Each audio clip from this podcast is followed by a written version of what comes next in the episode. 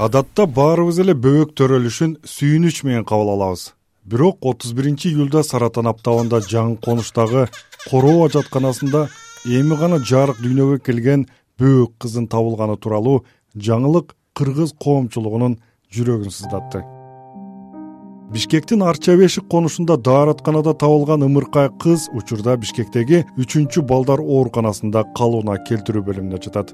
Абалы оор дем алуусу да начар саламаттык сактоо министрлигинин экинчи августтагы маалыматы боюнча наристе дагы деле алсырап ооз көңдөйүн тазалаган учурда ириң чыгып жатканы байкалган. Бирок эң башкысы бөбөк тамактанып саламаттыгы жакшырып баратканын дарыгерлер айтып жатат буга байланыштуу саламаттык сактоо министри талантбек батыралиев аялга баласынан өз каалоосу менен баш тартуу укугун берүү керек деген пикирин да билдирди. Батыралиевдин мындай позициясын саламаттык сактоо министрлигинин пресс кызматынын кеңешчиси елена баялинова фейсбукка жарыялады. Анда министр энелер балдарынан кылмыш жолу менен эмес мыйзамдуу жол менен баш тартышы эне бала өлүмүн азайтып наристе тилеп жүргөн башка үй бүлөнүн багын ачканга көмөк берет деген пикирин кошумчалаган. Бирок эмнегедир министр талантбек батыралиев кайрадан бул айткандарын комментарийлеп берүүнөн баш тартты.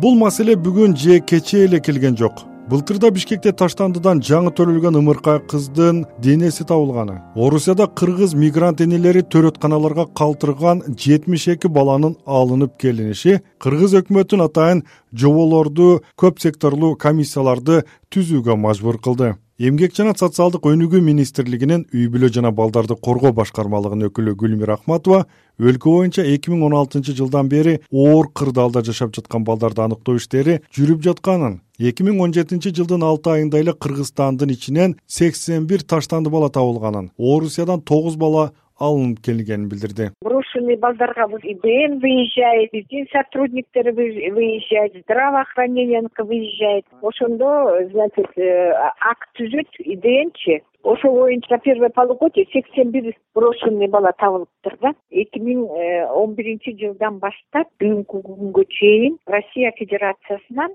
жетимиш эки бала алынып келинди да. Көбүнчөсү ушул москвадан келди. Эмгек жана социалдык өнүгүү министрлигинин өкүлү гүлмира акматова орусиянын төрөтканаларында ташталган балдардын кыргызстандагы туугандарына тагыраагы чоң атасы чоң энелерине сунуштоо болоорун кошумчалады. Бизде деген мындай да сабыр. Россиядан алып келип атпайбызбы анан биздин өзүбүздүн тактикабыз бар. Аякта таштап антип мынткенде төрөгөндө мындай паспорт тигилердин баары бар да. Биз уже билебиз алардын баарын. Ошондуктан у нас уже отработано. Өзүбүз мягко тихо чтобы төрөгөндөргө дагы эме болбосун деп акырын иштерди алып барабыз. Эгерде деген ошол э, туугандары ой жок мен буну алам тигиндей мындай десе тогда биз э, ошолорго беребиз. Чечимди сот гана чыгарат. Анда кандай болот? Эч кимге айтпай өз баласынан баш тарткан эненин туугандарына окуя тууралуу маалымдоо кайра эле бул аялга карата жектөөлөрдү алып келбейби. Милиция эгер таштап кеткен энени тапса аны кармап атайын кызматтарга берип туугандарына ызы чуу салып кайра эле башка адашкан энелердин өзү төрөгөн балдарынан арылуунун дагы жапайы дагы мыкаачылык жолдоруна барбайт деп ким кепилдик бере алат? Эмгек жана социалдык өнүгүү министринин мурдагы орун басары болуп иштеген коомдук ишмер эдил байсалов өз баласынан баш тарткан эненин купуя калуусуна кепилдик бере турган жобо кыргызстанга зарыл жана диалог бир гана мамлекет менен эненин ортосунда гана болушу шарт деген оюн ортого салды.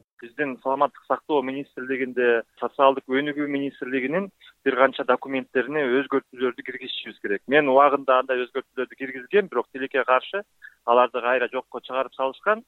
Бул өзгөртүүнүн негизги маңызы бул ошол э, төрөт үйүндө баланы өзү ушул баш тартса албетте мамлекет аракет кылыш керек. Ал энеге түшүндүрүп кыйналып атсаң жардам беребиз шартын түзүп беребиз деп. Бирок ошондой окуялар болот. Ошондуктан бул эл аралык практика бул гуманизм канча деген үй бүлө аны бапестеп чоңойтуп алат. Ошондуктан биз ошол жаңы төрөгөн энеге кандайдыр бир гарантия да беришибиз керек. Азыркы учурда ошол эне э, башка жерден төрөп жерде таштап атат. А керек болсо азыр төрөт үйлөрүнөн керек болсо сатылып кетип атат.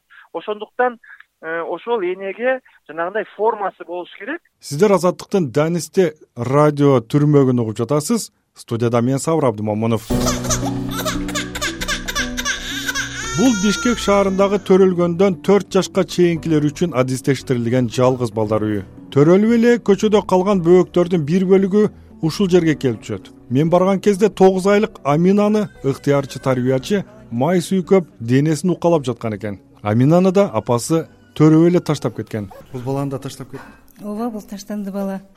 Азыр деген жерде волонтер массаж жасап атат азыр. Кайсыл жерде таап алган бул бизге деген которулган. Перинатальный центрден.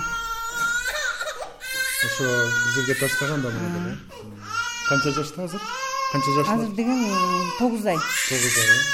Демек жаңы төрөлгөн эле бир айында келген бул кыз. Бишкек шаардык ошо перинатальный центрден келген абалы кандай азыр? Жакшыбы абалы эле жакшы. Мынакей азыр массаж алып атат. Бала. Бир күндө канча баланы карайсыз? Ну на данном этапе у меня вот одна конкретная остальные так постольку постольку успеваю вы только массаж делаете да? Нет почему? Играюсь упражнения делаем а за это деньги получаете? Гуляем. Нет бесплатно. Бесплатно? добровольно да помощь да. А у вас есть дети? Уже выросли. Уже большие бул адистештирилген наристелер үйүндө учурда сексен сегиз бала кароодо экен. Алардын ичинде энеси менен жаткандар да бар. Оор турмуштун айынан же оорулуу энелердин балдары убактынча кароого алынган бөбөктөр да каралат балдар үйүнүн дарыгери гүлжан ашимова маалымат берип жатып эки миң он жетинчи жылы келип түшкөн балдардын саны өскөнүн мындайча түшүндүрдү. Э, себеби деген бул жерден бизден жанагындай баланы тартып алуу э, боюнча көбүнчө жана идндин сотрудниктери э, ар бир райондук жанагы отдел поддержки семьи деп атпайбы ошолордун сотрудниктери менен келип бизерге ошо балдарды алып келишүүдө ошолор көбүнчө ошол статистика боюнча ошолор көп санды түзүшөт. Мындай наристелер үчүн мамлекеттик борборлордун саны кыргызстан боюнча үчөө эле. Бирөөсү бишкекте дагы бири токмок шаарында үчүнчүсү ош шаарында орун алган. Өмүрүнүн алгачкы күнүнөн ушинтип ар кайсыл балдар үйүндө калган бөбөктөрдүн айрымдарын төрт жашка толгуча багып алууну каалаган үй бүлөлөр алып кетишет. Калган көпчүлүк наристелер мындан ары башка балдар үйлөрүнө которулат. Алардын бири беловодскийдеги мектепке чейинки курактагы балдар үчүн үйү. Балам дейсиң көрбөй калсын тартысаңан бул жерде балдар дагы эки үч жыл ичинде эми гана көнүшүп калган кезде мектеп курактагы балдар үйлөрүнө чилдей тарашат. Ал жактан эптеп тамга таанып айрымдары орто билим алып атайын окуу жайларга бейөкмөт уюмдар ачкан өспүрүмдөр хосписине жатак жайы бар атайын окуу жайларга ооп кетишет. Эң кейиштүүсү майып балдардын тагдыры аларды эч бир кыргызстандык багып алгысы келбейт. Айрымдарын гана эптеп документтерин тууралап соттук териштирүүлөрдөн өткөн чыдамкай чет элдиктер алып кетишет экен. Калганы он алты жашка толгон соң психикалык ооруканаларга бөлүнөт. Мээрим мээрим мээрим мээрим дегени эмне мээрим эркелетип сени өстүргөн ата эне жакшы көрөм күндөрдөн энем жайнап күлгөнүн туура кой деп эркелетип көздөрүмдүн өпкөнүн бул ырдап жаткан балдарда майып таштанды наристелер алардын ар бир ыры ар бир балалык тилеги кыялы ата эне жана үй бүлө мээрими тууралуу. Сиздер данисте түрмөнү уктуңуздар. Берүүнү угу даярдаган сабыр абдымомунов эсен туруңуздар. Балам дейсиң көрбөй калсын тартысаңан бактылуусу караныңды көрүп канан бой жеткиз өстөрдүрү асыл